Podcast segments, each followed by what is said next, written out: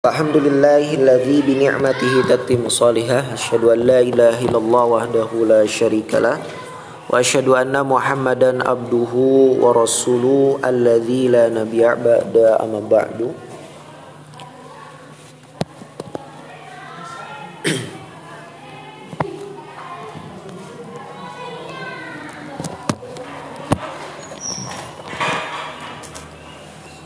Hadirin ibu-ibu sadayana. Ini kita harus pakai bahasa Sunda ya. Uh, satacan lebet karena hikmah tina perang Hunain.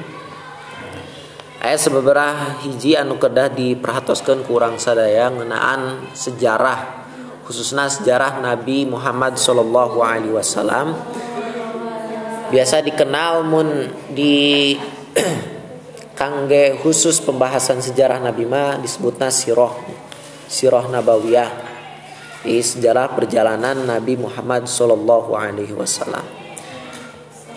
Tadi dia ayat peristiwa anu memang menarik nalika eh, Rasulullah Sallallahu Alaihi Wasallam ngajalankan dakwahna khususnya eh, perang Hunain jadi perang Hunain ini e, kalakonan nalika tos 18 e,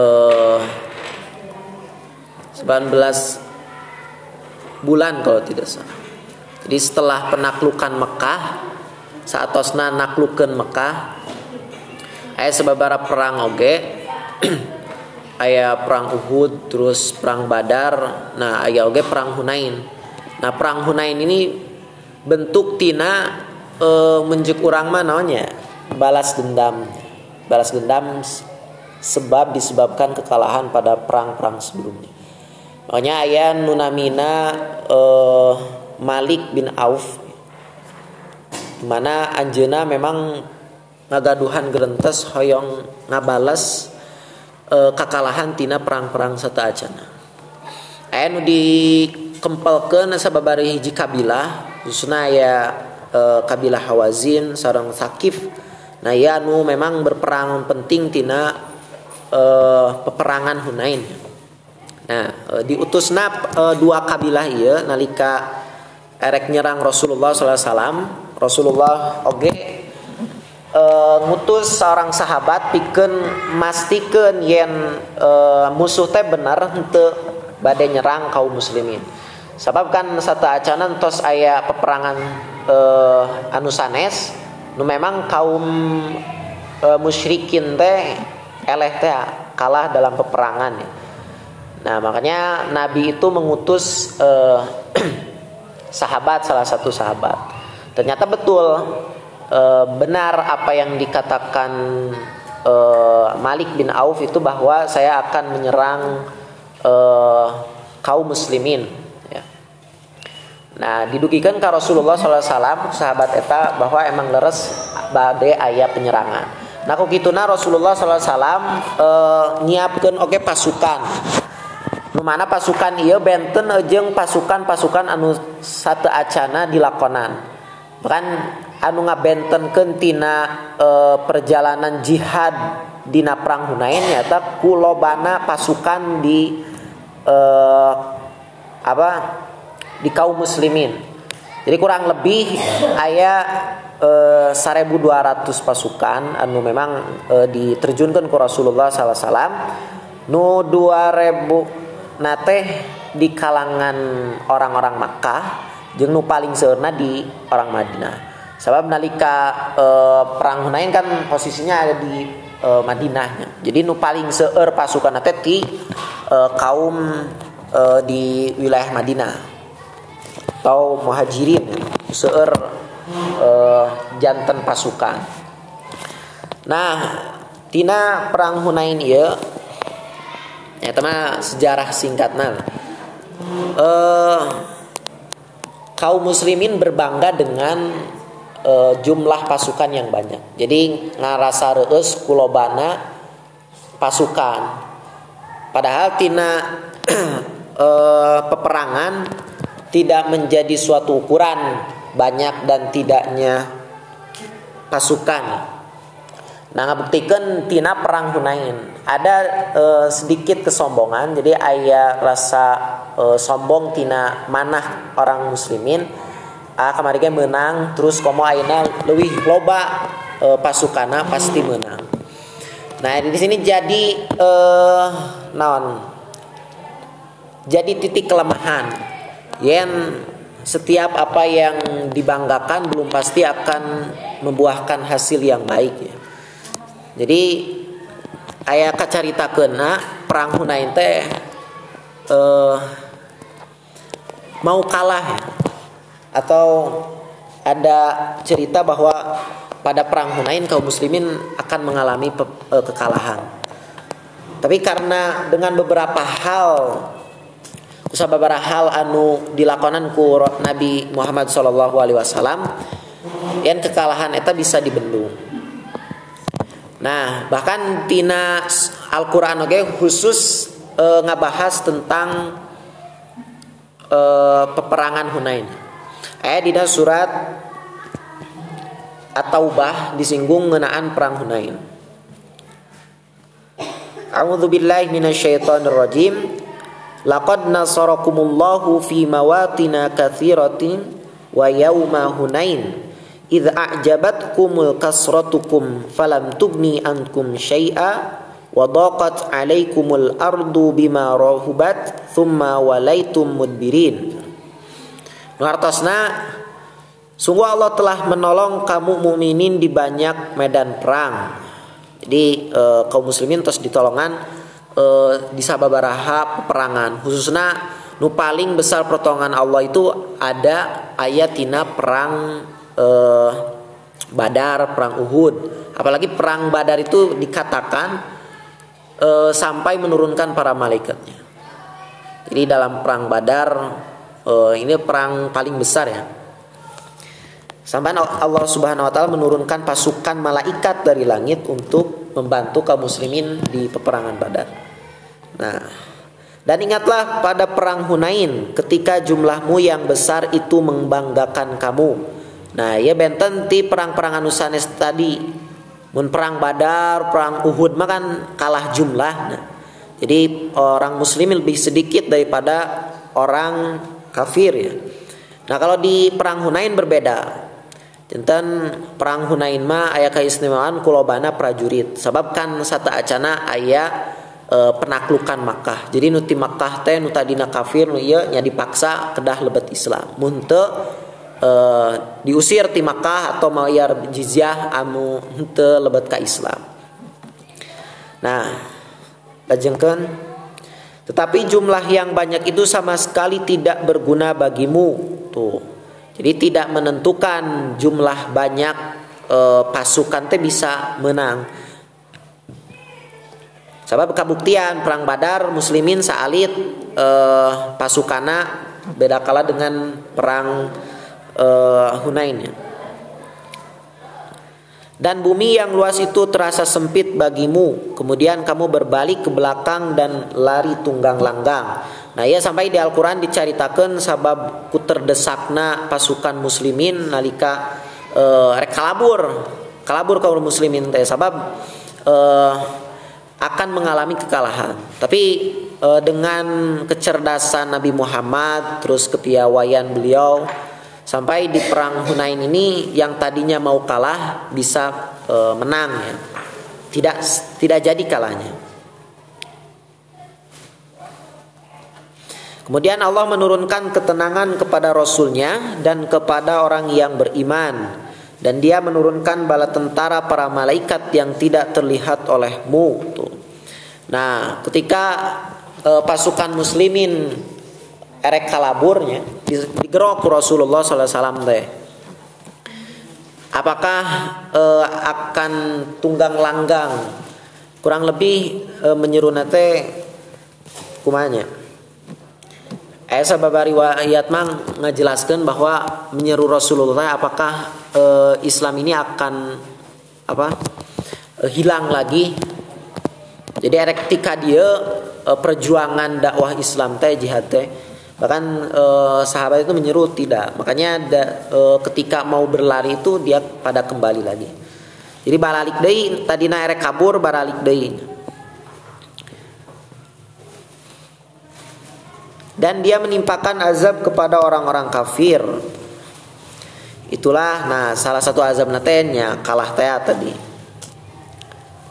Itulah balasan bagi orang-orang kafir. Selain itu Allah menerima tobat orang-orang yang dikehendaki Allah. Allah Maha Pengampun, Maha Penyayang. Nah, setelah e, di perang Hunain ini karena ada e, kesombongan, terus e, nalika ku lobana jumlah pasukan.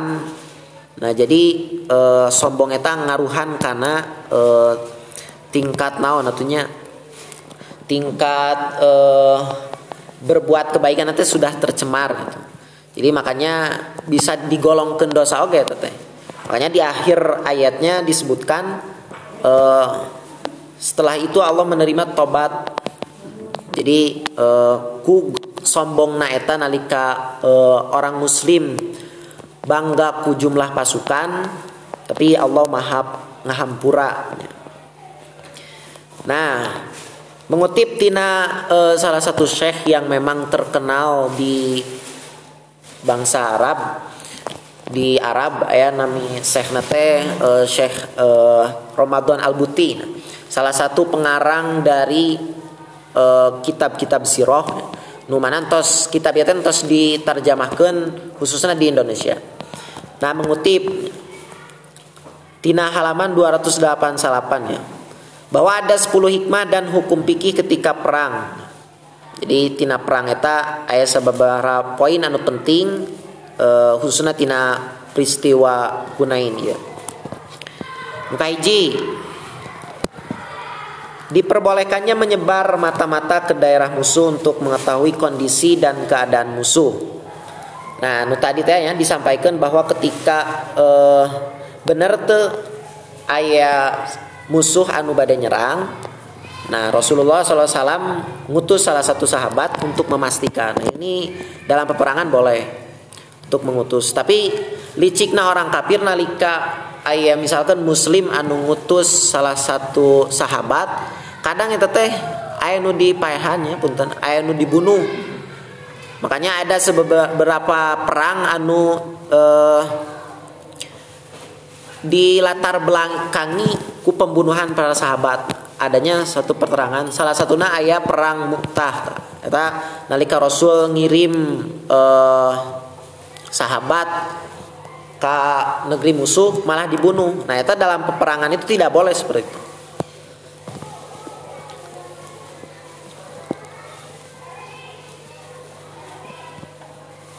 Ya lanjut uh,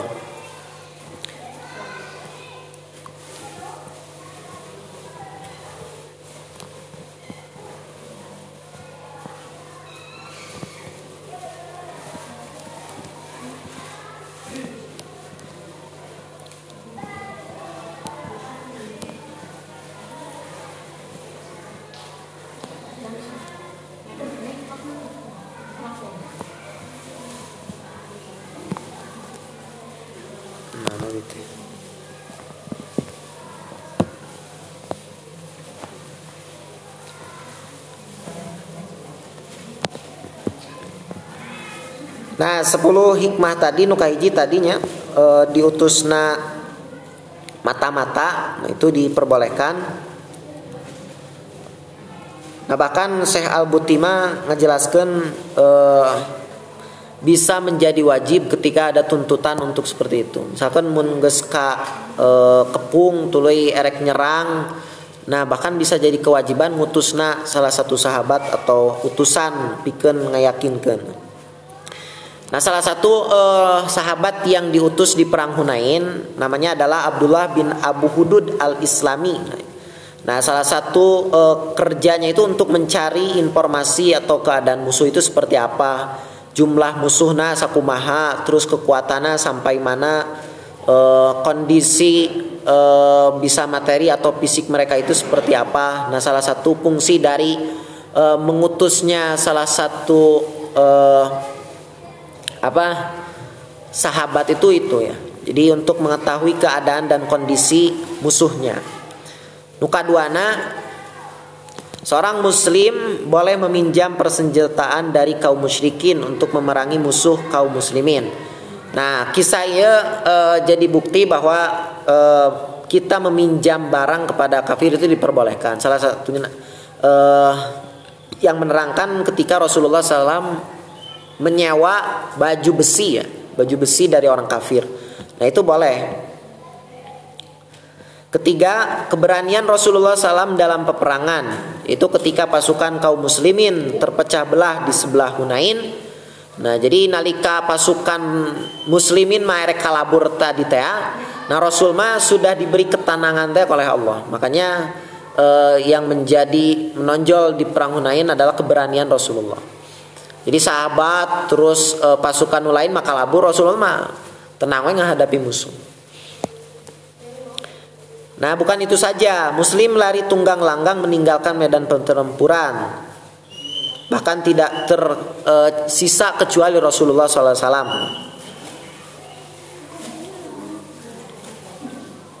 Nah, ini menjadi pengaruh ya, menjadi pengaruh e, kepada sahabat ataupun pasukan yang lain. Ketika Rasulullah SAW e, tidak lari di medan pertempuran, jadi tel, e, kabur tina perang Hunain tadi.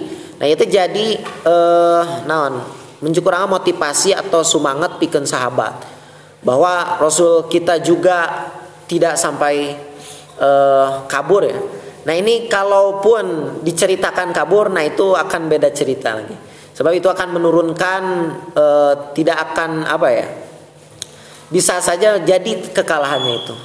Beda ketika kalau Rasul itu menghadapi terus ketinggali ku sahabat oh ayat dicontohin Nabi orang wae wani itu banyak orang nah makanya itu yang para sahabat dan para prajurit itu tidak jadi e, kabur ya.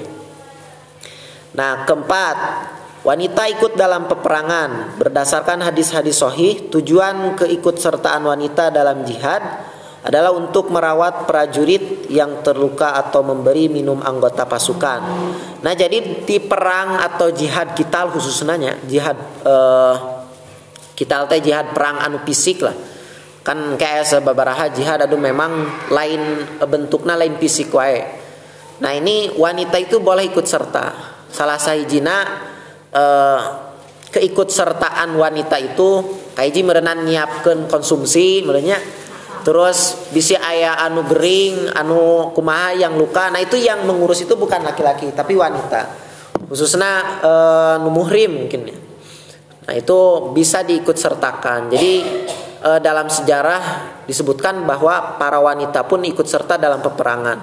Bahkan ayah sahabiah sahabiah anu memang e, di namanya disinggung atau bahkan diperjelas oleh Nabi SAW kaitan dengan e, keikutsertaan mereka dalam memperjuangkan Islam.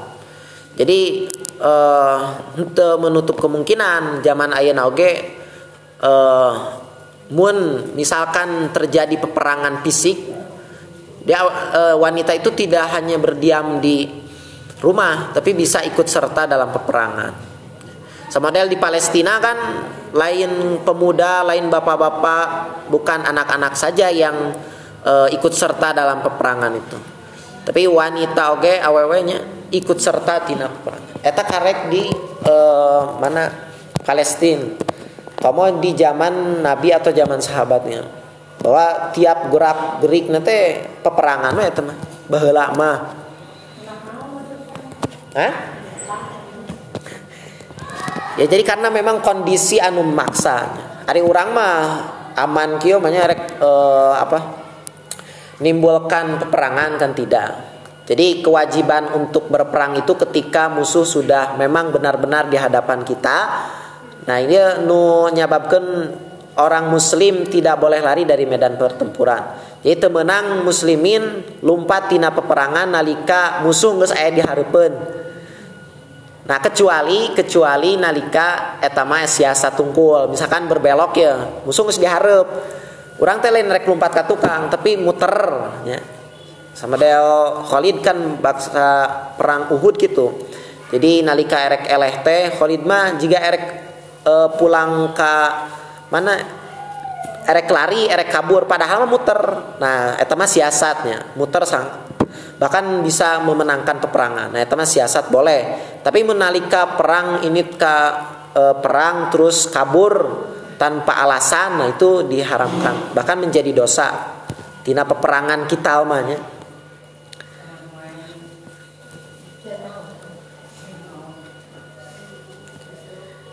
Nah lanjut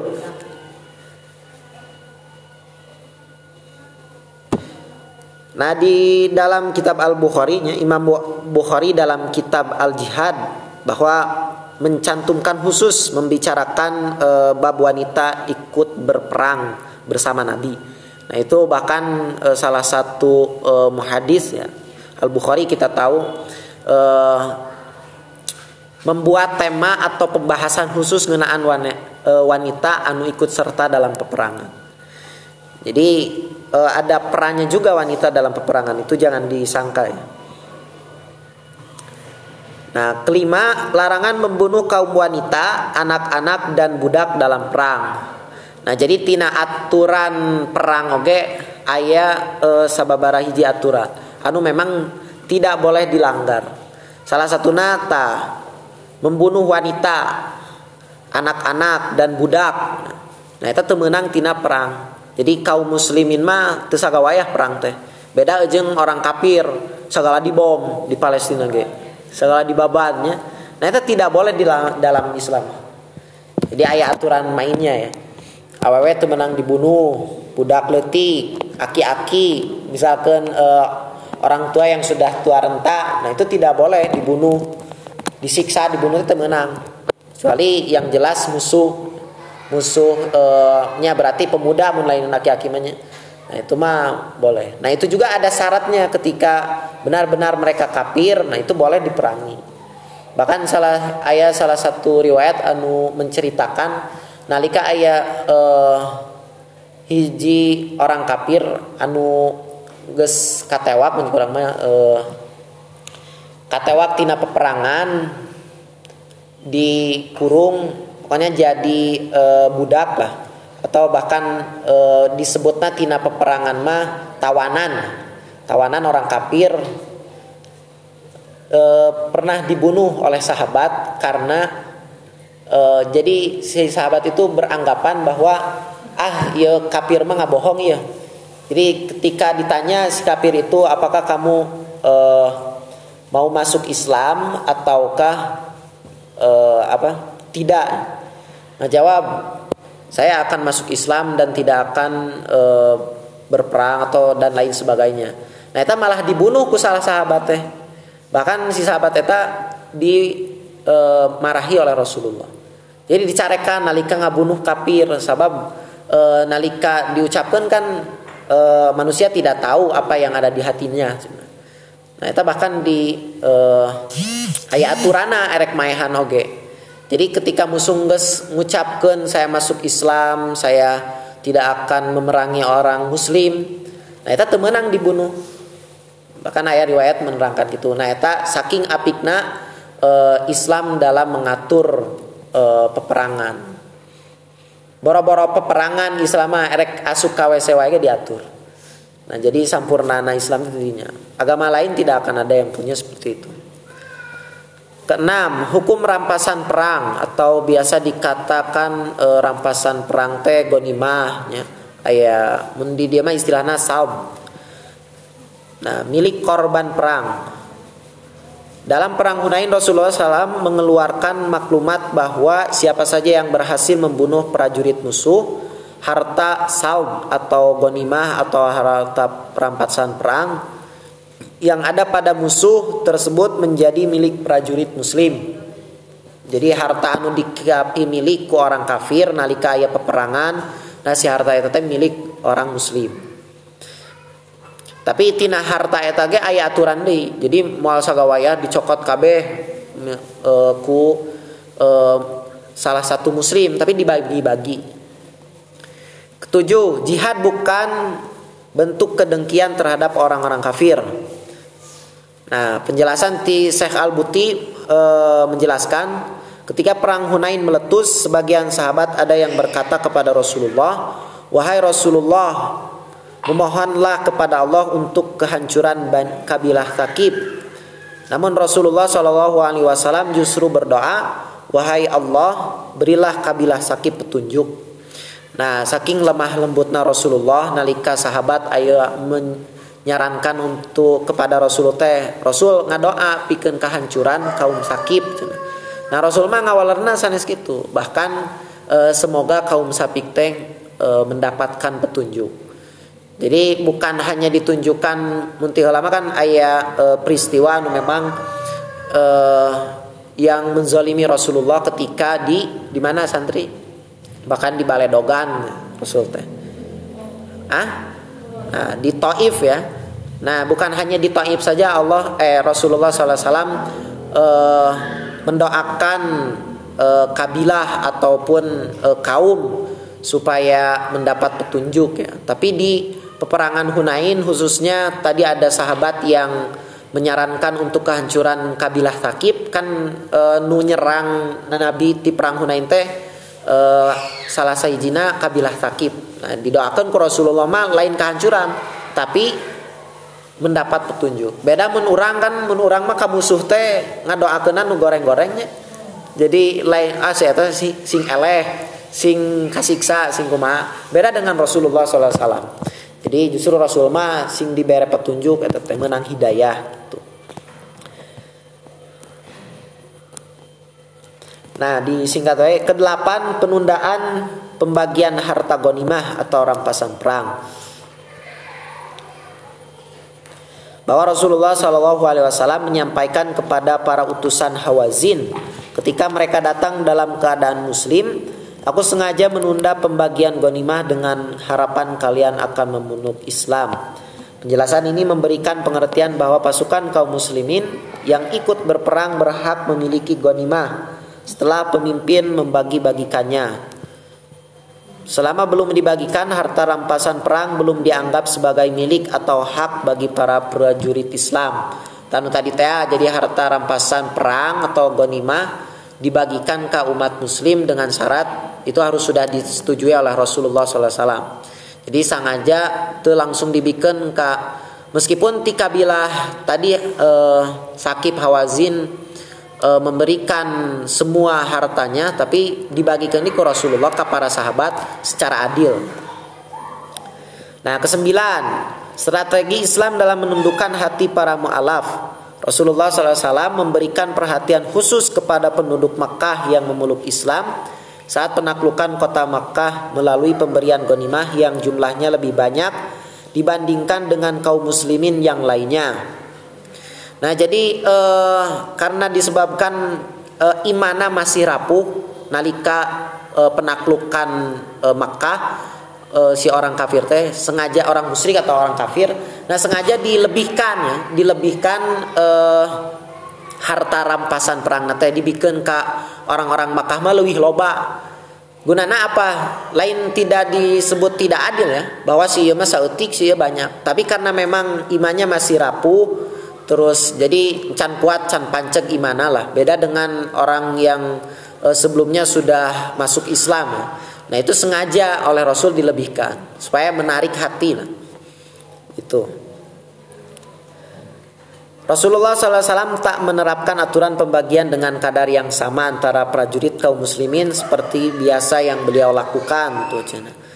Jadi mun e, di perang-perang sebelum nama pembagian gonimah teh ratanya, tapi ketika perang Hunain karena memang e, kondisinya berbeda, nah pembagian harta teh beda dengan perang-perang yang lain. Terakhir ke sepuluh keutamaan kaum Ansor dan kecintaan Rasulullah SAW terhadap mereka. Sebagaimana yang disampaikan oleh Syekh Al-Buti nu pengarang uh, kitab sirah ya. Jadi uh, nalika berbicara sirah mah nu ditulis nate moal sayap-sayap. Jadi uh, tiap orang nate beda-beda pandangan, pemikiran karena luasnya hikmah atau ibroh yang dihasilkan dari uh, peperangan ataupun sirah teh perjalanan Nabi. Jadi tiap penulis teh pasti beda penjelasannya karena memang luasnya sirah teh ini. Ayat Syekh Al-Buti Syaifur Rahman al ya uh, siapa? Syaifur Rahman dah banyak penulis kitab kitab-kitab surah itu. Bahkan imam-imam Mahzab pun pernah uh, menuliskan tentang kaitannya tentang sirah. Nah Rasulullah membagi harta rampasan kepada semua sahabat Namun kepada sahabat Ansor Sahabat Ansor merasa iri ketika Rasulullah membagikan ghanimah kepada kaum Quraisy mereka mengira bahwa Rasulullah lebih mencintai kaumnya daripada sahabat Ansor. Lalu apa yang Rasulullah SAW sampaikan ketika mendengar masalah ini? Jadi nalika Rasul ngaluihkan pembagian harta selain ke kaum Ansor, eh, para sahabat teh beranggapan bahwa Rasul mah leuwih ka mikanya ah, leuwih mika cinta ka anu eh, orang-orang Makkah tibatan orang Ansor Padahal tidak seperti itu. Ada nih dalam satu khutbahnya nih. Dalam uh, khutbah Rasulullah SAW memberikan jawaban atas semua persepsi yang dibebani hati sebagian sahabat Ansor. Jadi uh, menjuk orang mah namanya uh, kaum Ansor teh uh, ngarasa tedipikannya padahal kebalikan dari sana dan sekaligus mencurahkan segala cinta yang begitu besar terhadap orang-orang Asrar. Dalam khutbah yang sama Rasulullah juga menunjukkan berbagai macam bukti yang beliau sampaikan kepada orang-orang yang amat beliau cintai tetapi telah lupa akan cinta sang Rasul.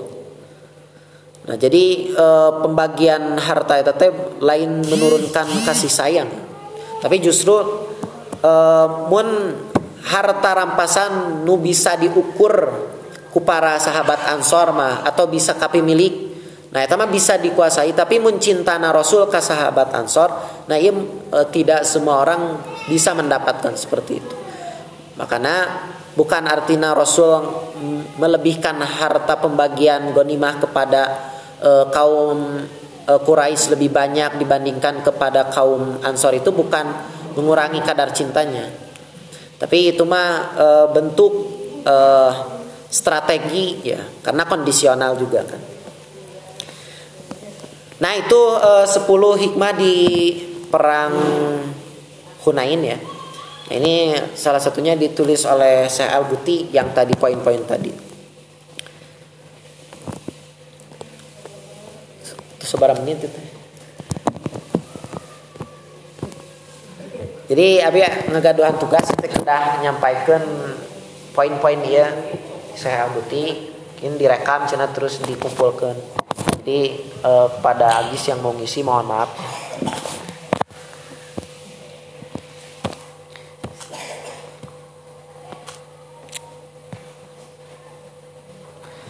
Nah terakhir eh, apa yang bisa kita pelajari dari perang Hunain ini? Nukaiji merenan orang tong bangga diri nalika orang loba ya. umat Islam kan ayeuna teu saeutik Indonesia oke kabilang umat Islam anu paling besar di dunia. Nah tapi keadaan kenyataannya seperti apa?